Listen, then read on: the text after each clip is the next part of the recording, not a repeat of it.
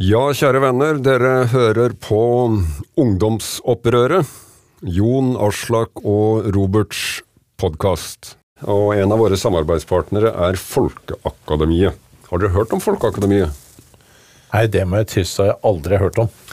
Ja, Da er det jo litt artig å kunne si at eh, forrige mandag så var jeg på Folkeakademitilstelning hjemme i Åmli.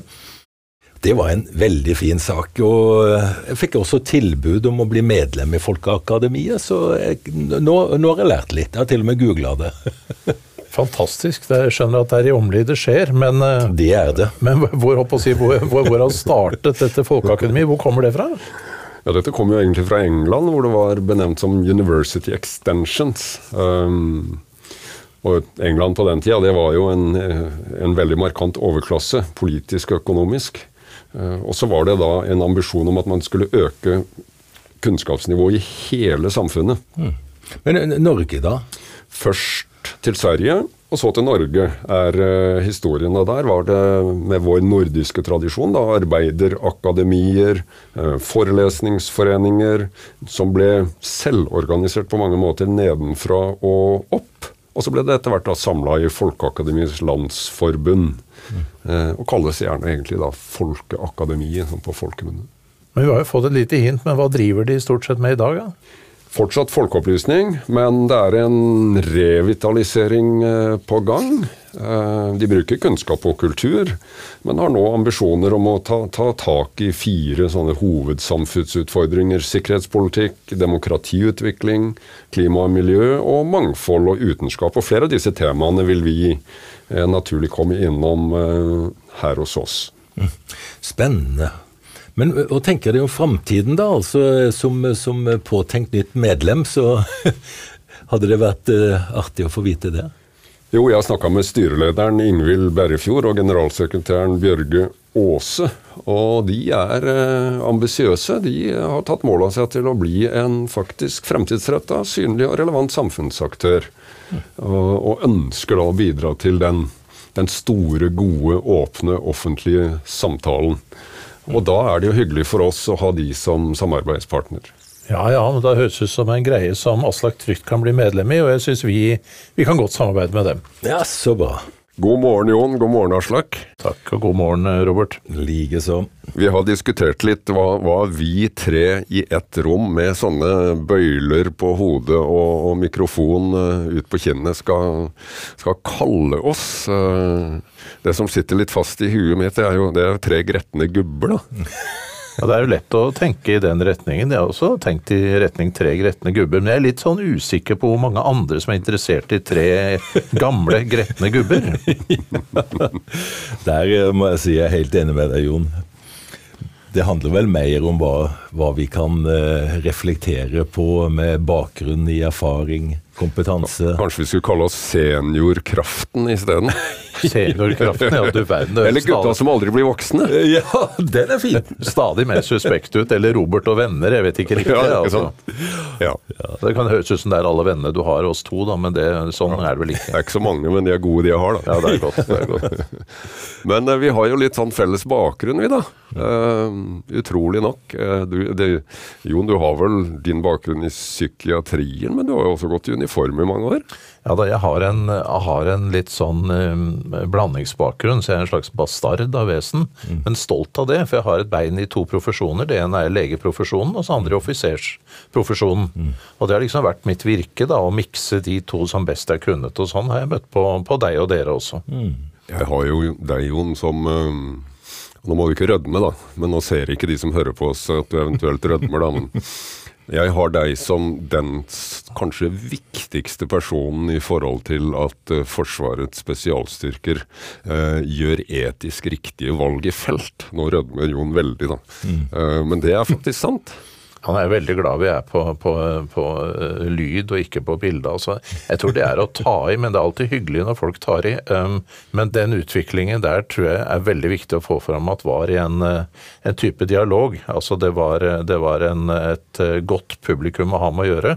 Og dialogen og samarbeidet, ikke minst de kritiske spørsmålene fra gutta, gjorde at det på en måte ble en veldig naturlig utvikling. Altså ressurssterke og flinke folk som stilte spørsmål og var kritiske, så var det veldig lett å være en, en samtalepartner for dem i den retninga du nevner. Og Samtalepartner er jo noe du kjenner igjen, Aslak. Jeg, jeg forteller ofte om eh, Ok, jeg skryter kanskje litt, da. Jeg, gjør det. Jeg, jeg, skryter av at jeg har hatt Noen gjør det også, Robert. Det er hyggelig. Jeg har hatt en åtte-ni åtte-ni julegudstjenester på én dag. Ja. For det var sammen med deg, og det var på tak i Kosovo, med, hvor du hadde altså sånne 200 liters fat som var satt på høykant, og der var det en lemmo oppå, og så var det eh, de riktige Ja, du kan fortsette sjøl. Ja, du og du, det var, det var Kosovo. Eh, eh, det, julefeiring, altså det er viktig uansett eh, håret ned. Og eh, om det så var oppe på et tak, så var det altså gutta og jentene sjøl som laga det til rammene som det var i. Og så hadde vi julegudstjeneste. Sånn som vi pleier. Og eh, Så jeg har i løpet av min eh, militære karriere hatt uh, julegudstjenester og gudstjenester på de mest utrolige plassene, men samtidig er det opplevd ufattelig meningsfullt. Nettopp i den der interaksjonen da mellom de som hadde behov, og han som skulle forsøke å gi litt Og du, du har kanskje opplevd nettopp det, Aslak, dette med at når det blir alvor, så betyr plutselig dette med verdier og bakgrunn og det som kulturen som holder oss sammen, blir plutselig mer betydningsfull. Ja, ja. Ja, det er absolutt. Jeg glemmer aldri en eh, kald høstdag i Sarajevo i eh, 93. Eh, en observatør som eh, kom inn. Han hadde vært og telt lik og sett nedslag inne i byen. Og når han kom inn så og han så meg, så skriker han til 'Prestefaren', sier han. 'Nå må du få i gang gudstjenesten, for nå trenger han'. Ja. Se det. Ja. Stor respekt for eh, mannen og hans behov og hans reaksjon. Det er veldig mange med bakgrunn fra Telemark bataljon som som vil huske deg for det Jon nevnte i stad, den gode stamtalen. Mm. Uh, fordi eh, de samtalene du hadde med disse, disse unge soldatene, særlig på begynnelsen, de som kom inn til førstegangstjeneste og var i førstegangstjeneste Det er mange der som, som har med seg den, den bagasjen videre i livet. Da, for du var prest eh, da vi jobba i lag, men du har også brukt tid på vanskelig ungdom mm. Seinere. Vanskeligstilte ungdommer. Ja da. Ja da, altså det, det er jo et av de privilegiene som jeg føler jeg har, altså både fra Forsvaret, men eh, også fra sivil tjeneste. At eh, det å prøve å finne det beste i situasjoner, og det gode og mulighetene hos mennesker, det er med på å skape noe ekstra. Altså Det er en verdi. altså Det å ta vare på hverandre og få fram det beste. Og så har du et kontor rett over eh, Gestapo-kjelleren på Stiftelsen Arkiv i Kristiansand, som vi helt sikkert kommer tilbake til i, i våre samtaler litt etter hvert. Men veldig spennende du sier også, Aslak, for det å møte unge mennesker sånn, det er jo et privilegium. Altså det er både veldig lærerikt, og samtidig så har du en veldig mulighet for å i samtale bidra dem til å gå i riktig retning, for de er fremdeles åpne for impulser og tanker. Noe som for gamlinger som oss blir eh, veldig vanskelig etter hvert. da. Ja, det var det, ja, altså du har et godt poeng der. eh, Men jeg har opplevd, eh, altså når vi snakker om min militærtjeneste som varte over åtte år, og, og to-tre av de i utlandet, så opplever jeg det fremdeles som et privilegium. Altså å få muligheten til å være der. Altså, eh, og På den tida, altså 90-tallet, så var det fremdeles eh, ikke unaturlig å ha en prest der. Eh, men det å få, få komme inn og ha muligheten til å både å lære og også forsøke å bidra og gi, det var et privilegium. Apropos privilegier, så er jo du utgangspunktet for en legendarisk formulering som er noe sånt som at å hate sammen er et privilegium. Hvordan er hele setningen? Ja, ja. Eh, å hate aleine, det er en uting. Altså Det kalles for ensomhet. Det å hate sammen derimot, det er et privilegium. Og bakgrunnen for det, bare for å ta med litt av den, da. Det, det var jo på en måte min læring når jeg kom til Forsvaret som 27-åring, altså som uh, ung voksen. Eh, i møte med rekrutter og soldater. altså De snakka masse om det å hate. De hata i alle mulige varianter. Men eh, når du kom i et lag, og du begynte å komme litt videre, og det var kaldt og det var bløtt og soveposen var blaut, var du aleine, da hadde du et problem. Mm. Eh, en ti-tolv eh, karer og jenter sammen, de fiksa det veldig greit. Altså styrken med det å jobbe i team. Det er, jo, det er jo veldig interessant i seg selv, fordi det er jo Fra mitt felt så er det veldig ofte sånn mennesker deler suksesser og de gode mm. tingene. Det er lett å dele, men de trenger du på en måte ikke å dele, egentlig. Det er de øyeblikkene som er vanskelige, som på en måte er viktige å dele. Mm. Og når du bruker ordet hat, så er jo dette det militære hatet. er At man hater situasjonen og været og de tingene der. Det er ikke mennesker man hater, Nei. men det er liksom situasjonen, og det er jeg veldig enig i. Det å være sammen om noe, og det å kunne dele der, det er faktisk en, eh, en viktig ting, og noe som gjør det mye lettere. Ja. Og uh, min opplevelse var jo òg at i de vanskelige situasjonene, krevende situasjonene, spesielt da i utenlandstjeneste, så var det laget altså det var helt unikt. Det hadde en styrke som bar det gjennom eh, det som var frykt, redsel, slike ting. Og de beste laga sto sammen i tykt og tynt. For hverandre. Og det må etableres når det er stille og rolig. Ja. For hvis det skal holde, skal si, mm. holde tett når det virkelig stormer også, så må ja. du ha etablert det som en rutine. Ja. Være vant til å snakke sammen og dele. Ja. ja da, så bygges det bånd da, eh, som blir veldig sterke, og spesielt for unge mennesker som opplever noe som er så til de grader eh, eh, og med på å binde sammen og gjøre noe sammen, det, det, er dannende og på en sånn måte at det kan bli vanskelig i neste omgang, når de mister den veldig trygge og, og tydelige ramma. Så her sitter vi, da. Jon og Aslak og Robert. Nå har dere allerede hørt litt om uh, Jon og, og Aslak. Uh, han Robert er da den minst belærte i, i Trekløveret. Han er uh, bare, bare, en soldat som gikk fra det ene til det andre og aldri hadde en plan, og, og etter hvert fikk være med på fryktelig mye spennende i inn- og utland. Men det, det, kanskje det jeg husker best som en presentasjon, er min første jobb. Ordentlig jobb. Da, da Hjemme i Kragerø så hadde jeg vokst opp med trebåter og seiling og, og skjærgård, og fikk lov å bruke egen båt uh, av bestefar og, og, far om sommeren etter hvert. Det var mye spennende på besøk fra Oslo. Det å ha egen båt var, var jo selvfølgelig et, uh, et viktig element uh, å kunne by på. Men jeg fikk jobb på en bensinstasjon da, mot alle odds.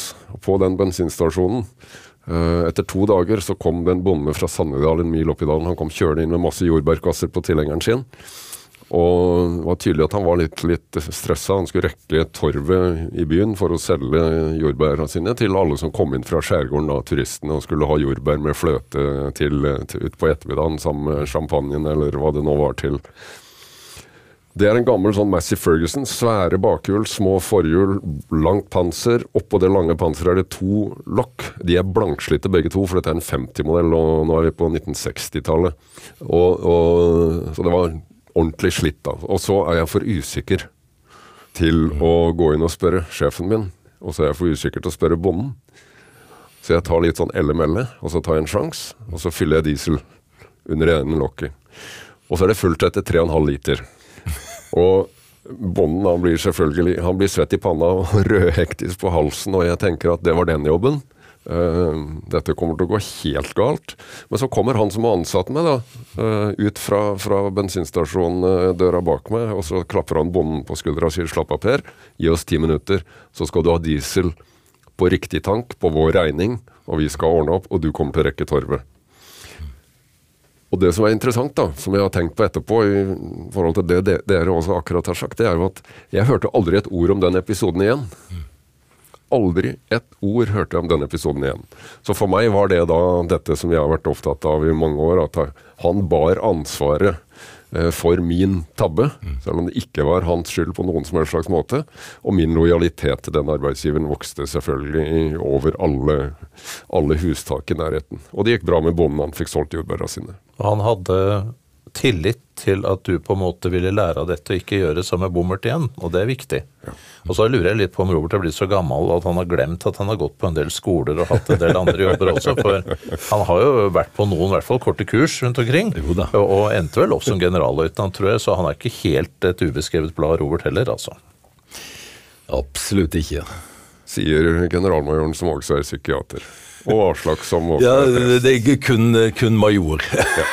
det var vel der vi stoppa. Kjære lyttere, da har dere hilst litt på oss i uh, ungdomsopprøret. Jon, eh, Aslak og Robert.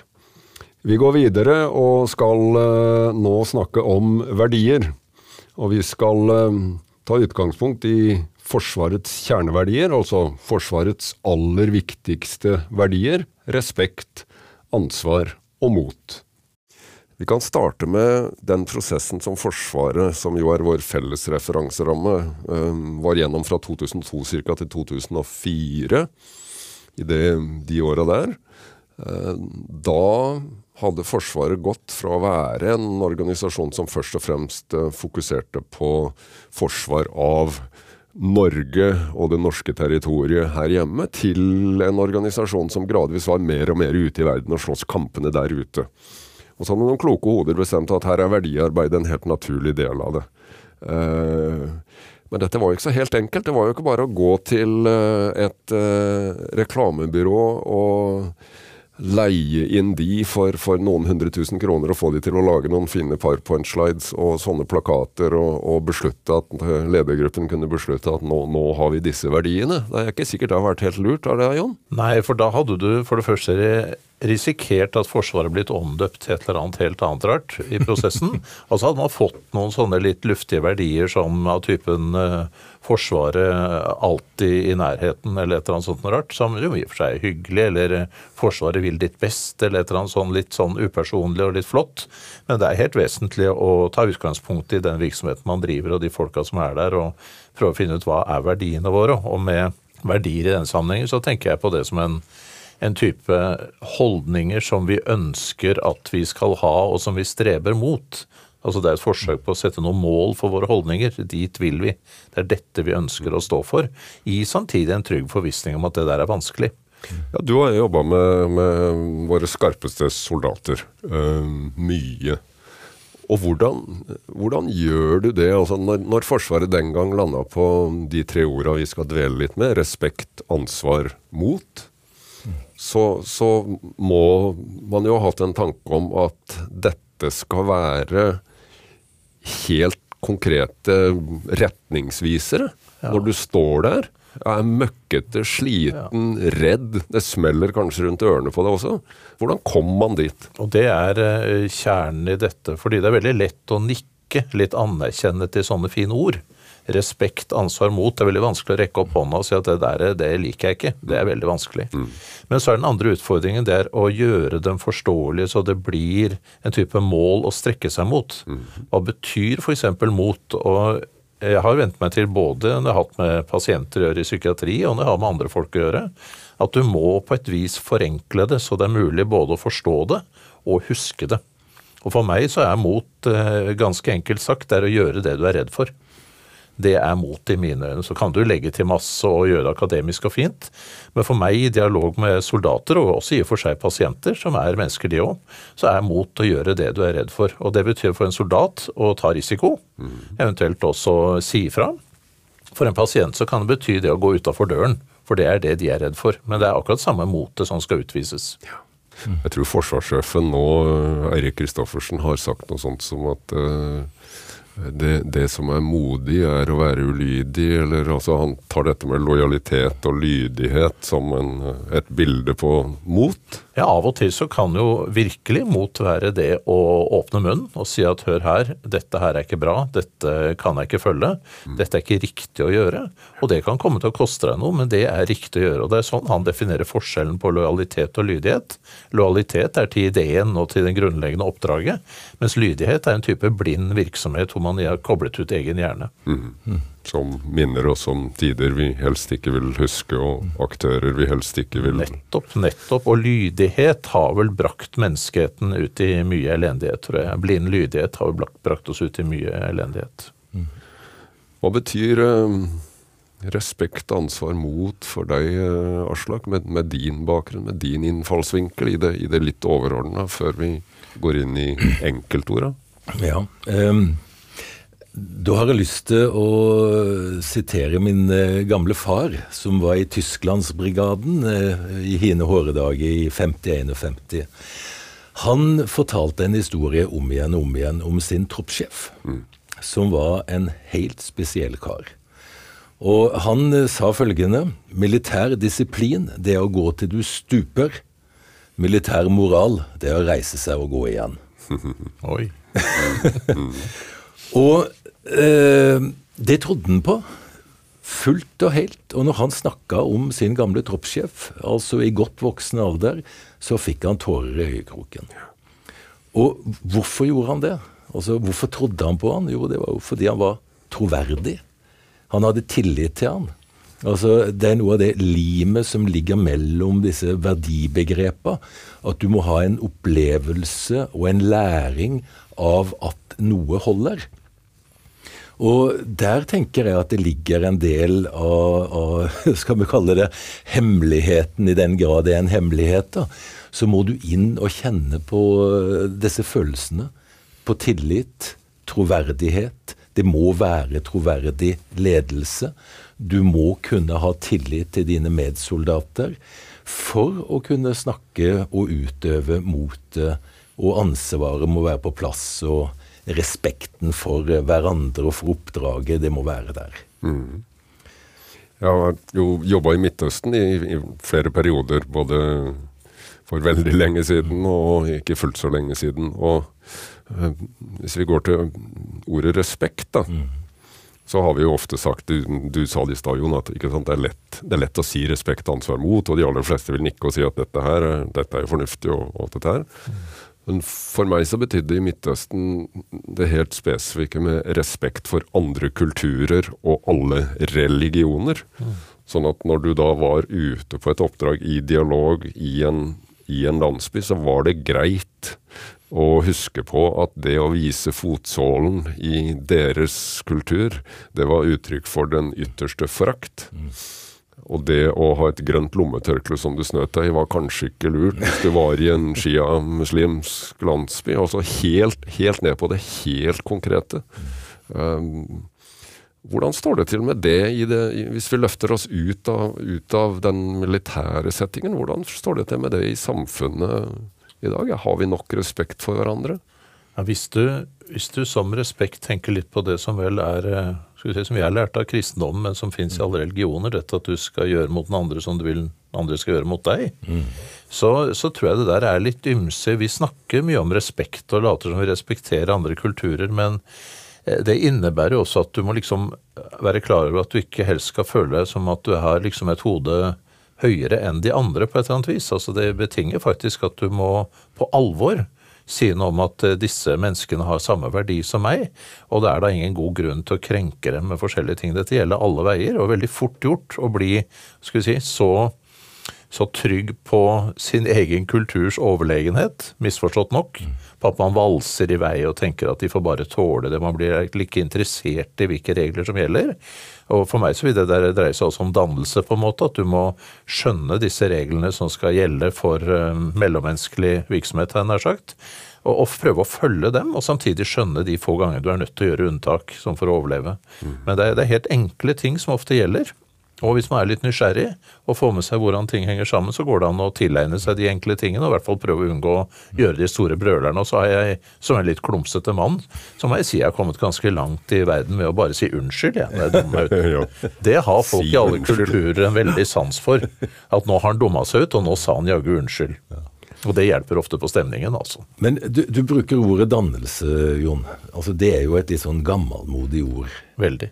Men hva er dannelse for noe? Ja, jeg har vært nysgjerrig i sånne gamle honnørord som vifter rundt, sånne verdiord og, og, dannelse. Og dannelse er veldig gammeldags, som ja. du sier. Det er vel knapt i bruk. Men eh, jeg hører på podkast det er jo klokt, så man skal kanskje bidra selv. Og hørt at eh, filosofen Einar Duenge Bøhn han, han definerte som så at noe i retning av da, at det betyr å både akseptere og følge de alminnelige reglene for mellommenneskelig aktivitet og samvær, og samtidig skjønne og faktisk følge behovet for at det er unntak av og til. Mm. Så det han mener er dannelse. Jeg tror det er litt undervurdert. Ja. Eh, og dannelse syns jeg er et litt sånn flott begrep, for da betyr det at du tilhører på en måte en kultur. Du er på en måte ikke en, en sånn free rider i samfunnet og et dyr som farer rundt og gjør som du vil, men du tilhører en kultur. Mm. Det er vel dannelse, tenker jeg da. Men det er mulig jeg rota meg bort nå. Ja, altså Bare fortsett litt der. Jeg har jobba i folkehøgskole noen år. Og der er jo fremdeles dannelse et viktig begrep. Altså folkeopplysning og dannelse er grunnlaget. Og en veldig enkel definisjon eh, kunne også vært at uh, hvis du tar bort Eller dannelse, det er det som blir igjen hvis du tar bort utdannelsen. Ah. Altså, og der tenker jeg verdiene, holdningene, uh, kommer til synes hvis du tar bort alt det du har av kunnskap om medisin og psykiatri, og ø, altså hvilket menneske står igjen her. Der ligger dannelsen. Og hvis en da looper tilbake, Robert, til det som du har vært med på i mange år, utdanna soldater, eh, så er det ikke bare evnen til å skyte og treffe blink, eller til å kjøre bil, eller hva det skal være, men det er kulturen, dannelsen, som står tilbake. Men vil ikke ofte nettopp utdannelsen og livet være kilden til eh, nettopp dannelsen? Altså det bør være en så vesentlig del av utdannelsen at dannelse også er en del av det, vil jeg tenke, fordi det er så vesentlig i kulturen. Men jeg er fascinert av ideen din om at det er det som det er på en måte denne kjernen som står igjen litt til tross for For det er som du sier, altså. Det hjelper ikke å være lege hvis man er uten dannelse. Da er du ganske hjelpeløs. Ja, det, det, er noe med det. Men altså, definitivt. altså Utdannelsen, det er jo det som på en måte skaper dannelsen. Og derfor tenker jeg at det blir så viktig dette å snakke om verdier som eh, ansvar. For eh, det er ikke noe du kan ta for gitt. Men uh, du kan lære om det, slik at det blir ditt eget. Og Så dannelse, dannelse, har noe med kultur å gjøre, da, på et vis? Ja, en vesentlig det. del av kultur. Ja, ja. Altså, vær så god, Robert. Du hører på Jon Aslak og Robert. Vi snakker om verdier. Um, vi snakker om respekt, ansvar, mot. Eh, som er Forsvarets eh, verdier. Det er mange andre verdier som, som helt sikkert konkurrerer godt med disse. Mm. Um, over til ordet ansvar, som er liksom det neste verdiordet i, i disse tre begrepene. Jeg har ofte ment og sett og hevda at uh, du må bære ansvar for helheten, og du må også bære ansvar for deg selv. Og hvis du er leder i næringslivet, eller hvis du er eh, i, i, det militære systemet som vi har felles, så skal det være slik at du som leder bærer ansvaret selv når det har skjedd noe galt, selv om skylda for det som skjedde, er langt ned i organisasjonen. Du må skape trygghet i organisasjonen din ved å bære dette ansvaret på vegne av hele avdelingen. For det skaper den tryggheten og tilliten nede i organisasjonen som, som, man er helt avhengig av når vi tross alt forventer at disse skal gå rett inn i forferdelig dramatiske situasjoner. Jeg er veldig, veldig enig i det. Altså, som leder så delegerer man ansvar så langt det bare går, helt ned til enkeltmann. Og enkeltmann må også ta ansvar, men du beholder samtidig ansvaret som leder. Du kan aldri si at jeg har fraskrevet meg ansvaret siden jeg har delegert det. Du beholder ansvaret selv om du har delegert det. Og det er kjempeviktig å være klar over. Går det an å si at du delegerer ressurser og myndighet mens du beholder hovedansvaret, eller blir det for stringent? Jeg har jo sagt det veldig enkelt, at jeg bare delegerer ansvar og beholder ansvar. Så blir folk ofte litt forvirra, men da må jeg forklare hva det dreier seg om. At selv om eh, den si, lokale sjefen, og gjerne også enkeltmann, må kjenne at dette har jeg ansvar for, mm. så har du et overordnet ansvar. Det må de også være klar over. Så det betyr at de utøver ansvar både på vegne av seg selv, men også for sjefen sin. Så jeg har litt sånn stormannsgal tenkt jeg, at eh, når jeg opererer, så har jeg liksom fått delegert ansvar fra forsvarssjefen. Og så har jeg tenkt at ja, men forsvarssjefen han beholder også ansvaret. Så når det går riktig gærent, så får vi krangle om hvem av oss som skal gå, da, har jeg tenkt. Og så har jeg i trygg forvissning tenkt at siden eh, forsvarssjefen har høyere rang, så er det jeg som skal gå. Sånn er det. Men, eh, men Robert, jeg, har, jeg husker et sitat for deg òg, og det er Åssen er det det går? Altså, det handler om ansvaret, ø, om at ø, alt som går bra, er mine medarbeideres ansvar. Mens alt som går galt, det er mitt ansvar. Kan ikke du utdype Den, Den, den liker jeg umiddelbart godt, fordi det er, eh, det er veldig fort gjort å havne i den omvendte greia. Ja. At sjefen tar ansvar for alt som har gått bra, og peker på sine undersåtter når det går dårlig. Så den likte jeg godt. For han jo Robert utdyper den. Jo, jeg tar gjerne eh, æren for den, selv om jeg tror vi var veldig mange om det. Vi jobba i lag den gang i, i Telemark bataljon, og det er riktig det. Vi la veldig stor vekt på å få fram til disse unge vernepliktige at uh, når du sto der som sjef, da, uh, som leder, så sa vi at uh, det er min feil når det går galt. Og det er dere som har fortjenesten når det går bra.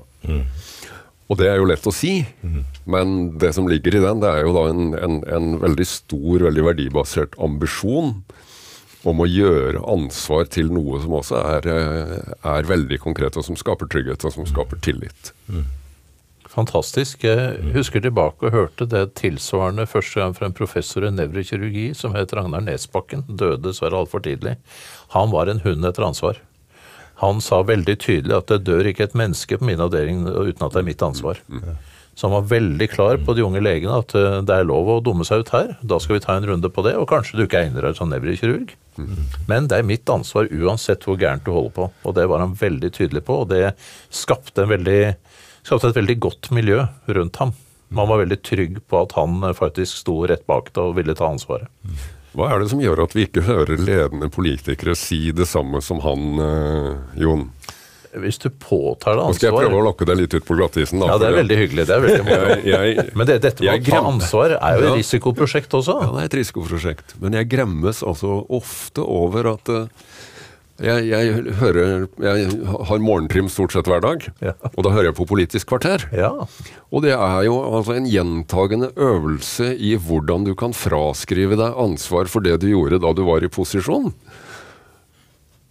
Det, jeg har ikke hørt knapt én eh, Og samtidig prøve å forklare hvorfor det er umulig å ta ansvar for det når man er i posisjon. Riktig. Ja. riktig. Ja, det, det er jo påfallende. og Jeg tror det er en litt sånn trend jeg skal kanskje rote meg ordentlig ut på. Det var det du ba meg om. Ja. Men jeg tror dette kanskje er sånne kommunikasjonsrådgivere som har laga det litt sånn, og jeg tror ikke dette er smart. Jeg tror både politikere og andre folk står seg mye bedre på å ta veldig tydelig ansvar. Og si at dette gikk gærent, her dumma jeg meg ut, vi tenkte for dårlig, dette var ikke bra nok, vi må, vi må tenke annerledes. Og samtidig si når de er i posisjon at ja, dette er sannelig ikke enkelt. Dette er vanskelig, dette er vanskelige prioriteringer, det er så vidt vi får det til. Altså vært mer ærlig sånn. Jeg tror en del kommunikasjonsrådgivere har liksom tenkt at det å tåkelegge er det beste. Så om å gjøre å svare på noe annet enn det du blir spurt på. Det er jo en elegant måte. Ofte blir journalisten også såpass forvirra at de blir avledet og begynner å, å prate om noe litt annet. Så jeg tror vi hadde stått oss mye bedre alle sammen på å ta mye tydeligere ansvar. Innrømme feil, eh, innrømme at ting er vanskelig. Det tror jeg at vi hadde stått oss bedre på i lange løp. Men det betyr jo at alle må gjøre det. Og de, de politikerne som skulle ta sjansen på dette, risikerer jo da at de andre bare fortsetter. Ja. Og så blir du da sittende igjen som den, den ansvarshavende som har gjort alle feilene. Og det er klart at det er jo ikke noe fest. Nei, dette er store spørsmål som vi, som vi nok kommer tilbake til i løpet av våre, våre samtaler. Da mister vel jeg stemmeretten antagelig, Robert? Tror du ikke? Den forsvant ut vinduet med en gang. For dette er, jo, dette er jo et av de virkelig store spørsmål i vår tid som vi kan ta opp ved en senere anledning, hvor man, mange da, analytikere mener at selve demokratiet forvitrer litt innenfra. Uh, av flere grunner, men, men med dette med evnen til å bære ansvar som en av de, da. Men tenk, er- tenk deg så skrekkslagen du blir da, hvis du som politiker får høre av rådgiveren din at hvis du, hvis du tar ansvar for dette, så risikerer du ikke å bli gjenvalgt. Det er jo en skrekkelig tanke for en stakkar som lever av å bli gjenvalgt. Men du har hatt ansvar for, eh, for en hel folkehøyskole med ungdommer, og slik. det er jo konkret på en helt annen måte. da. Kunne du leve etter eh, det er din feil når det går bra, og det er eh, elevenes fortjeneste når det Nei, unnskyld, det er din feil når det går galt, og elevenes fortjeneste når det går bra der også? Eh, Ja, eh, altså jeg, jeg må innrømme det at jeg har eh, tjuvlånt eh, sitatet ditt eh, også i møte med alle ansatte. Eh, og det er eh, lærerne som eh, lykkes når timene er gode. Det er kjøkkenet som skal ha skryt når de leverer god mat. Det er ikke rektor, primært. Og det, det tenker jeg er fullt mulig å få til. Og så er det utrolig viktig å bygge opp en sånn holdning, da. At du betyr noe der du er. Eh, rengjøreren vår, hun som vasker gulvet og sånne ting. Du verden når du kommer inn og du ser det er reint, da blir du glad. Er det rotete, så kjenner du på at det kribler litt i fingrene, og det er ikke fullt så behagelig. Men eh, altså, det å gi den eh, krediten til medarbeiderne, jeg tenker jeg er helt avgjørende. Og også for elevene. Altså, det er jo de som bygger skoleåret, og som skaper det sammen med de ansatte. Så eh, det tenker jeg er et vekselspill som er umåtelig viktig. Nå var, nå var jo Aslak veldig konkret. Eh, veldig. Hvis, vi, hvis, vi, hvis, vi, hvis vi tar den ballen over til, ja, nesten skummelt. over til deg da, Jon. Ja. Jeg Har du eksempler på, på eh, spesialsoldatenes fremferd i felt hvor de, de tar ansvar for å gjøre det istedenfor det? Fordi Ja, det fins gode eksempler på det, og de imponerte meg. Nå skal jeg ikke overdrive min rolle i det, det tror jeg er veldig skummelt, altså. Men hvor de gjorde veldig gode vurderinger i opphetede situasjoner. Hvor de f.eks. strengt tatt kunne skutt etter såkalte rules of engagement, som det heter på moderne. Mm. Men de valgte å ikke gjøre det fordi de opplevde at de hadde kontroll, og at det var riktig å gjøre noe annet. Og det var de veldig gode på. Det henger sammen med både en ekstremt høy standard, som innebærer en veldig følelse av at jeg har kontroll. Hvor du kunne gå veldig langt i å på en måte akseptere en type risiko og, og ha en følelse av å ha kontroll.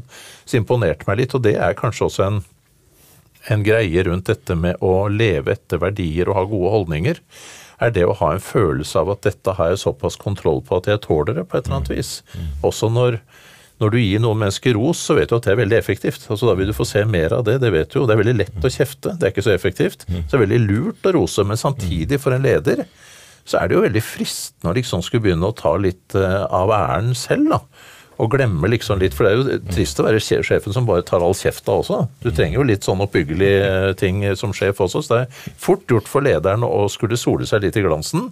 Mens det er jo, som du sier, det er jo de, de folkene som står på gulvet som, som gjør jobben. Og jeg er blitt imponert flere ganger altså av unge, nyutdanna spesiallegere som sto fjellstøtt og gjorde helt riktige vurderinger i pressa situasjoner. Og eh, både gjorde det de skulle, ofte lot være å skyte.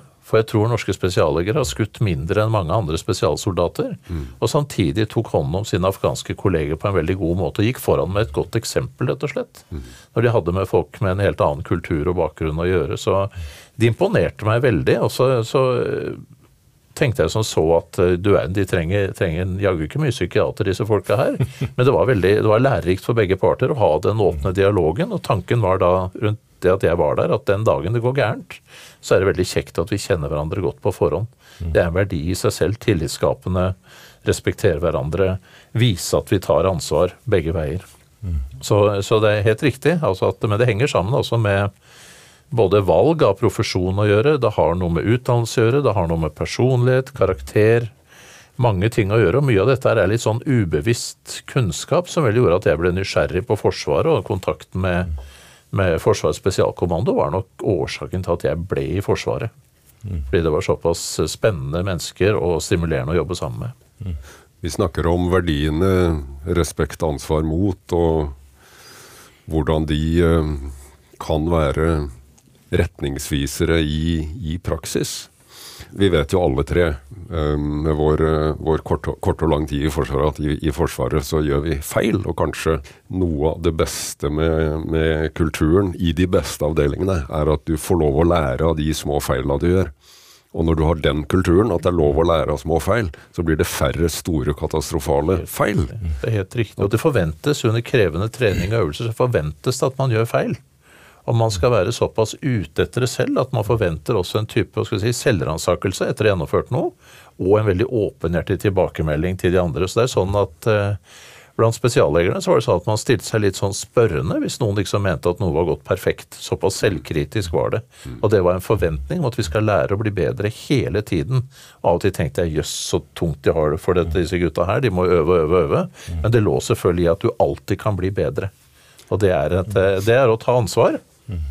Og det er å respektere ikke minst oppdragets kompleksitet. Mm. Og det er også mot ikke sant, til det å si fra til både kolleger, eventuelt eldre, mer erfarne folk, og gå i seg selv og si at dette var ikke bra nok. Det er mot. Mm. Hvordan kommer vi dit, da? Hvordan kommer vi dit? Jeg har, jeg har hatt øh, generaler og admiraler på middagsbesøk i Brussel da jeg satt i militærkomiteen fra 14 til 16 som øh, uoppfordra, gjerne etter uh, et godt måltid mat, og, og når stemningen ble, ble, veldig løs, så spurte de hvordan får dere det til? Altså til den norske eh, militære representanten. Hvordan, hvordan, får dere det til? Hvordan klarer dere dette? For, for, de hadde jo som meg lest masse rapporter fra Afghanistan, og noe, noe Det aller meste gikk veldig bra, og noen ganger lykkes man ikke så godt med oppdraget. Men felles for de og for meg da, var at man hadde lest én rapport som utfordra norske soldater, verken fra Telemark bataljon eller, eller uh, Marinejegeren eller Kystjegerkommandoen eller spesialsoldatene på at uh, de hadde gjort noe som nærma seg brudd på, på, krigens regler. Ikke én! Og så spør de meg, da. Hvordan får dere det til? Hva, hva er egentlig hemmeligheten her, da? Hva, hva, det starter jo med de som du så på slutten av 90-tallet, Aslak. De kom inn leirporten på, på Heistadmoen med Jeg tror, tror, dette var du som sa en gang, med seggebukser og, og, og, en kultur direkte fra videregående. Eh, rett fra russetida? Rett fra russetida, ikke sant. Mer eller mindre sliten. Og et par-tre år etterpå så er de ute på det Jon eh, beskriver her. Trygge på å gjøre valg i en dramatisk situasjon. Hva, hva er hemmeligheten her? Uh, Jeg tror det handler noe om uh, en form for en transformasjon, altså fra det å være sivil individualist til det å bli en lagspiller. Uh, jeg har ingen erfaring fra, fra spesialkommandoen. Men jeg har uh, en del erfaringer fra helt ordinære avdelinger. Og jeg glemmer aldri Movcon-avdelinga, som jeg var en del av i uh, det tidligere Jugoslavia. Hva er Movcon, Aslak, for uh, de som ikke kan stammespråket vårt? Ja, det er de som uh, handler fly og båter og tog og sørger for at logistikken går i orden, og at spesialsoldatene får ammunisjon. Og mat. Og utstyr. Og kommer seg hjem. Og kommer seg hjem, ikke minst. Men uh, i Sarajevo på den tida så var det bråkete. Det var mye nedslag, det var mye det de kalte for mygg i lufta. Og de gutta som sto og tok ned flya, det ble skutt på. Det hadde sperrild altså på én meters avstand. Noen av de hadde rekosjetter i vesten. Og det å gå ut og frivillig stå der, det, det krever mot. Det er det ene. Men det krever også at du er en del av en gjeng som er i stand til å ta vare på hverandre. Fordi de bytta. Altså, de gikk turnus der. Nå var det min tur, nå er det min tur. Og Hvis det var en av de som satt med skjelven, så tok de ham på skuldra, og så var det en annen som gikk ut for ham. Jeg husker også gutta som jobba i ingeniørtroppen oppe i Kiseliak, som var snekker snekkere, gravemaskinførere, lastebilsjåfører. Ordinære gutter i 20-åra. Men de hadde vært gjennom en førstegangstjeneste. Noen av de hadde erfaringer fra Libanon. Men det, den stoltheten i det å løse oppdrag og utføre jobben, det imponerte meg noe helt fantastisk. Mm. Så jeg tror at det ligger noe mer i det de går gjennom i førstegangstjenesten. Det at de blir møtt de setter sammen, De former sammen, de opplever det der vanvittige fellesskapet og stoltheten i det å faktisk løse et oppdrag. Eh, som gjør noe med de. Så jeg tror det er noe om, om du er eh, spesialsoldat eller om du er veldig god på logistikk, så er du en del av den helheten som må være der for at du skal lykkes. Mm. Det er mye, mange gode poenger i det du sier, Aslak. Dette med, med fellesskap og tilhørighet og, og, soldater som yter for hverandre. ikke sant? En mm. del av en gruppe og skjønner verdien av det. Og vil altså, til syvende og sist også være villig til å ofre livet for kameraten sin. Ja. Du kan jo ikke tenke deg noe større, på en måte. Eh, men jeg lurer også litt på om dette her når Jeg er helt enig i at det er, eh, det er ikke så store forskjeller på, på, norske soldater uansett hvor de er. Det er mye de samme verdiene. Mm. Bare i mer spissa versjon, eller hva vi skal kalle det. Men jeg lurer også litt på om der vi kjennetegnes i forhold til en del andre nasjoner, er dette som stadig dras av med det tillitsbaserte samfunnet vårt. Mm. Tillit er jo en sånn overordna verdi.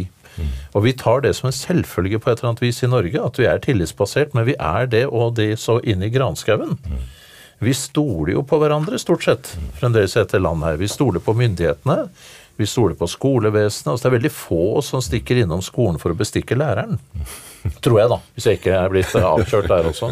Vi stoler på rettssystem, vi stoler på politiet, vi stoler på Forsvaret. Så vi, vi har en tillit til at både nasjonen og andre vil oss vel. Og så kan man godt si at det er en liten sånn porsjon naivitet i det. Men den er samtidig veldig flott, for det betyr også at du har tillit til at ja, altså bataljonssjefen min, han løser et oppdrag som er viktig, og det er ikke noe tull. Og han vil meg vel, og de andre gutta vil meg vel, og vi er en del av et samfunn som også vil hverandre vel og har faktisk en, en god agenda på et eller annet vis. Jeg tror veldig mange ellers i verden er litt hva skal vi si, in it for themselves. Altså De har signet opp fordi de har en mulighet for å få noe utdannelse og en pensjon en gang i tiden. Eh, altså Det er litt mer sånne ting. Mens, mens, dette rare landet vårt, her er vi villige til å yte, altså for fellesskapet. Jeg har en sånn naiv, tillitsfull relasjon, så jeg håper det varer. For jeg syns tillit er eh, helt sentralt. Og så kan du si at det kanskje også er bygget litt på eh, at vi liksom ikke, det er ikke sånn tvil når det gjelder tillit i samfunnet vårt. ikke sant? Vi får stort sett det vi trenger vi har god skole, vi har bra helsevesen og sånne type ting. Den dagen det liksom begynner å slå krøll på seg og ikke er tilgjengelig, så er jeg redd for at det kan gå utover tilliten til fellesskapet, og også tilliten til at det er en god idé å være soldat, og så stole på samfunnet på en måte. Men det er, det er veldig spennende, og dette man bygger da på, dette med fellesskapet. Det er jo det gylne i verneplikt nå. Møter andre unge mennesker på samme alder. Knytte bånd til dem, folk du aldri hadde møtt ellers oppdager at det går faktisk helt utmerket godt an både samarbeide med og bli venn med folk både fra Finnmark og Trøndelag. Mm. Tro det eller ei. Vi har jo hørt um, og lest om um, russiske soldater som befinner seg inne i Ukraina, og hvor avdelingen deres uh, mer eller mindre går i oppløsning um, av forskjellige grunner. Vi har hørt om eh, fryktbasert ledelse, vi har hørt om avdelinger som, som er ved frontlinja uten at de har fått noen gjennomgang av plan. Det er ikke fortalt hva de skal oppnå, og det er, det er stort sett veldig, veldig kaotisk, det hele. Um, hva er den store forskjellen i forhold til det vi snakker om, hvis disse rapportene er uh, riktige? Og det er det vel grunn til å tro at de er. Lite innspill der. Nå, nå, blir det litt sånn historier fra min side, da. Det får bære over med det. Men en avdeling eh, jeg var borti, Eh, skal jeg ikke nevne navn, men eh, de skal ha et skarpt oppdrag. Eh, og eh, troppssjef ber om fem frivillige. Ingen rekker opp hånda, eh, men han, deretter så plukker han ut fem stykker. En av de tar et steg fram. Så tar han opp neven igjen og så sier så lenge det er du som spør, så er det greit. Mm. Og stikkordet der er troverdighet. Altså mm. troverdig ledelse. Tilliten bygger på en måte på troverdigheten. Og dermed så er tilliten Den kan forvitre. Altså den kan være skjør hvis ikke du har en troverdig ledelse. Det er det, sånn som jeg leser eh, det du snakker om, Jon, om samfunnet som er tillitsbasert. Så lenge som det ligger en grunnleggende grad av troverdighet, Altså, det er bra at Riksadvokaten tar opp igjen saka i Baneheia og endrer mening. Mm. Altså, Det er noe med den ærligheten som må være til stede for at det skal bygge og underbygge tilliten. Jeg tror I tråd med det Robert sier også, så tror jeg vel den største forskjellen på det norske og det russiske samfunnet mm. er at det russiske samfunn er gjennomsyret av en mistillit. Det er vel det som kjennetegner den typen samfunn, at det er ingen grunn til å ha tillit egentlig verken til eh, naboen, som kan være hemmelig agent, eller på en måte til eh, ledelsen eller samfunnet generelt, som er, så vidt jeg kan skjønne og det jeg har lest meg opp til, både nokså gjennomkorrupt, mm. Eh, urettferdig. altså Det er lite troverdig, det som foregår. Og da å skulle reise av gårde som soldat for det landet å invadere et naboland, det er klart at det er eh, drøy kost. Du skal liksom grave dypt i posen for å finne noe grunnlag for å være ivrig under det felttoget. Mm. Ja da, og det er jo gjerne slik at Putins Russland er bygd på en form for samfunnskontrakt. Eh, der eh, folk skal ha det greit. Greit nok. og det skal være muligheter, og da tåler de, fordi tradisjonelt og historisk så har de tålt de sterke lederne og autokratiene som har styrt de. Men, Men har, de ikke, har, de ikke, gjort det stort sett pga. frykt, da? At alternativet til å late som du stoler på sjefen, har vært at da åker du til Sibir, på en måte. Og det er jo ikke noe varmende. Jeg tror, jeg tror som sagt at det er eh, noe av hovedproblemet med totalitære land, er at det vil veldig fort uh, gå på tilliten løs. Altså hva skal man gjøre med de som er uenige i et totalitært land? Vi snakker om respekt, og ansvar, mot. Vi snakker om verdiene. og det at ledere bærer ansvaret for helheten, gir tillit og, og gjør at verdiene, verdiene, lever. og Det vi vel egentlig, egentlig, sier nå, det er jo at uh, det det russiske militæret har vist oss i Ukraina, er at de verken har respekt for sine soldater eller har ledere som bærer ansvaret på vegne av helheten.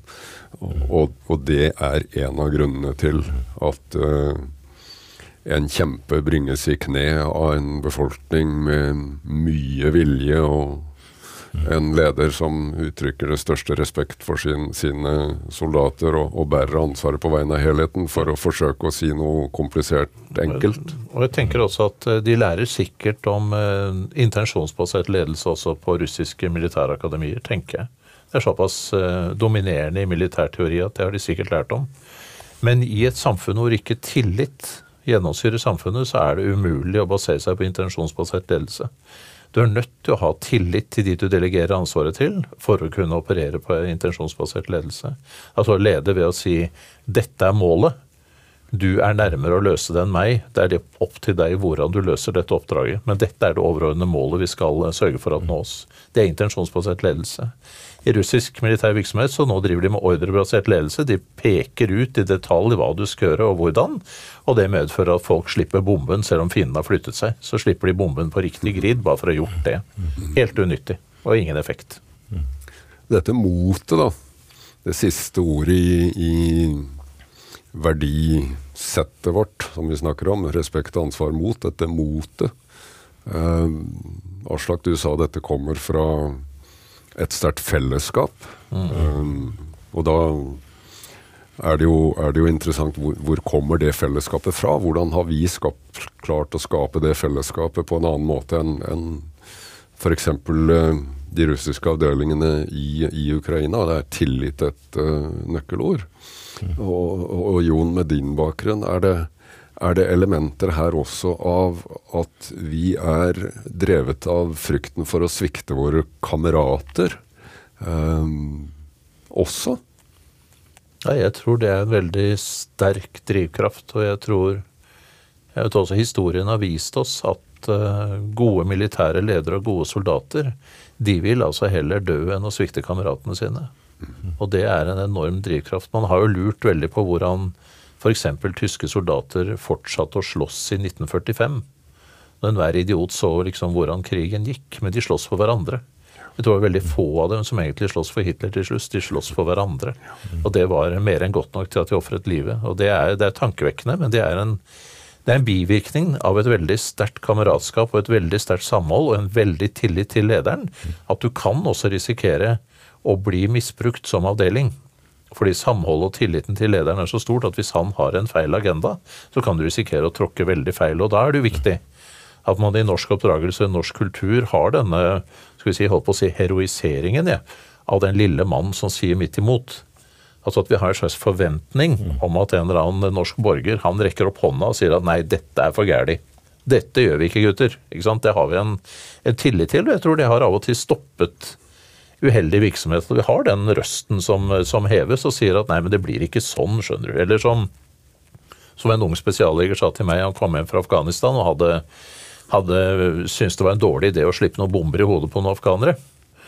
Og hadde måttet forklare den offiseren som ba om disse bombene, og at eh, han måtte være klar over at det var farlig å slippe bomber. Du kunne risikere å skade folk. Og det syns han var viktig å ta med seg i vurderingen av det å slippe bomber. Du kan drepe folk med dem, altså. Og det syns han var viktig å ha fremst i pannebrasken når du bestemte deg for å la bomba gå av gårde. Altså. Og det er jo verdibasert. Og et mot og sier ifra. Du har jobba med et styre over deg, Aslak, når du var, var, direktør på Arkivet. og hvis vi, hvis vi, Går det an å dra dette inn i styrerommene også? Er, altså Er dette overførbart? Er, er, det slik at vi kan si at det, et godt styre er der hvor det er feighet og ikke legge temaet på bordet og argumentere for det motsatte av det, det som sies? Uh, Ja, jeg tror at det går an å, å overføre. Uh, men uh, Uh, nå skal jeg jo være forsiktig med å karakterisere styrene jeg har hatt. men, men uh, Du kan hilse fra oss, vet du. ja, det, det, kan jeg gjøre. I verste fall hører de på dette. ja, nemlig. Nei, nå, nå, var jeg heldig og hadde gode styrer. Og jeg hadde gode styreledere som var integrerte, og som uh, valgte veldig sånn tydelig å både tenke ansvarlighet og ikke minst tenke støtte. Eh, og det er kanskje like viktig i sånne relasjoner. Det at der er støtte, der er eh, ansvar, og der er også krav. Kravene vil måtte være der, og disse tingene henger sammen. Så til en viss grad så går det an, men er nok blant de som er litt skeptisk til å overføre Eh, alle verdiene fra Forsvaret over på en sivil institusjon. På samme måte som jeg tenker at eh, det å overføre ferdigheter og egenskaper til en toppidrettsutøver inn i en bedrift, det er kanskje litt oppskrytt. Der finnes helt sikkert ting som en kan linke inn, linke opp, og dette med tillit, eh, troverdighet, ansvar, definitivt, det kan trekkes med. Men eh, som eh, gammel direktør, da, som hadde et styre, eh, så var det uendelig viktig for min del å kjenne på at eh, vi snakka samme språket. Og selvfølgelig måtte jeg tåle kritikken, og jeg måtte forholde meg til krava som kom derifra. Jeg har lyst til å bringe til et moment der, altså Grunnen til at vi må ha verdier, er ofte fordi vår natur er å gjøre det stikk motsatte på et eller annet vis. um, Det er derfor vi trenger verdier, fordi av natur så tror jeg vi mennesker vi har mer tilbøyelighet for å være feige. Mm. Altså gå med strømmen, la være si ifra, den type ting. Mm. Eh, det å respektere andre, jo vi er for det, men det er fort gjort å egentlig hva skal vi si, utnytte situasjonen eller ikke se folk eller ta seg til rette. Og det å ta ansvar, jo jo, men det har jo den risikoen at plutselig sitter du med ansvar også. Så jeg tror det er veldig viktig å være klar over at disse verdiene er der som på en måte, skal vi si, mål og noe å strekke seg etter, mm. i en trygg forvissning om at vi har klare tendenser til det motsatte. Mm. Det er nesten det viktigste for meg på en måte med verdier, og derfor jeg også respekt, ansvar, mot er verdier som er mulig å strekke seg mot i trygg forvissning om at det er fort gjort både å skli unna dem, og det er veldig fort gjort at ens natur på en måte bryter igjennom, og da er det jo et stort spørsmålstegn hvor langt vi er unna bikkja, liksom, sånn når det gjelder eh, instinkter. Eh, min, eh, min, erfaring, både i Forsvaret og innenfor helsevesenet, er jo at mennesket av og til opptrer bedrøvelig instinktivt og lite tankemessig. verden hadde vært hyggeligere hvis folk slapp til hjernen til noe annet enn å drive med etterpåklokskap. Altså tenkte seg litt om før de gjorde noe. Da tror jeg det hadde vært veldig kjekt. Så av og til så er vi på nivå med bikkja. Og for å liksom unngå det, så må vi ha noen litt tydelige verdier å strekke oss etter. Det er liksom min holdning til dette. Vi har snakka om eh, verdier. Respekt, ansvar, mot. Eh, det er ikke sikkert det er eh, de verdiord du som hører på dette ville valgt, men det er de verdiene Forsvaret jobba fram gjennom en, en nedenfra-opp-prosess for uh, nå godt over 15 år siden. Og det sier kanskje noe om uh, at disse verdiene betyr noe. At de verdiene fortsatt omfavnes som uh, de verdiene man ønsker å ha som retningsviser når man jobber der ute. Vi, det er vanskelig å konkludere, men vi kan vel si at vi, vi er veldig enige om at det er kanskje ikke den beste ideen å gå til et reklamebyrå og betale 750 000 for å få utvikla et verdisett og få noen gode powerpoint-slides og noen plakater man kan henge opp, og så beslutter man det i styret, og så dytter man det ned i organisasjonen. Eh, det må litt mer til enn det. Men når det spiller, så er det en fantastisk kraft å ha med seg når vi leder. Og på avslutningen eh, av samtalen vår så sender vi en hilsen til eh, alle veteraner, unge og gamle, som gjør en fantastisk uh, jobb. Og så takker vi Orator AS, Ord som setter spor, verdibasert ledelse, som en av våre hovedsamarbeidspartnere.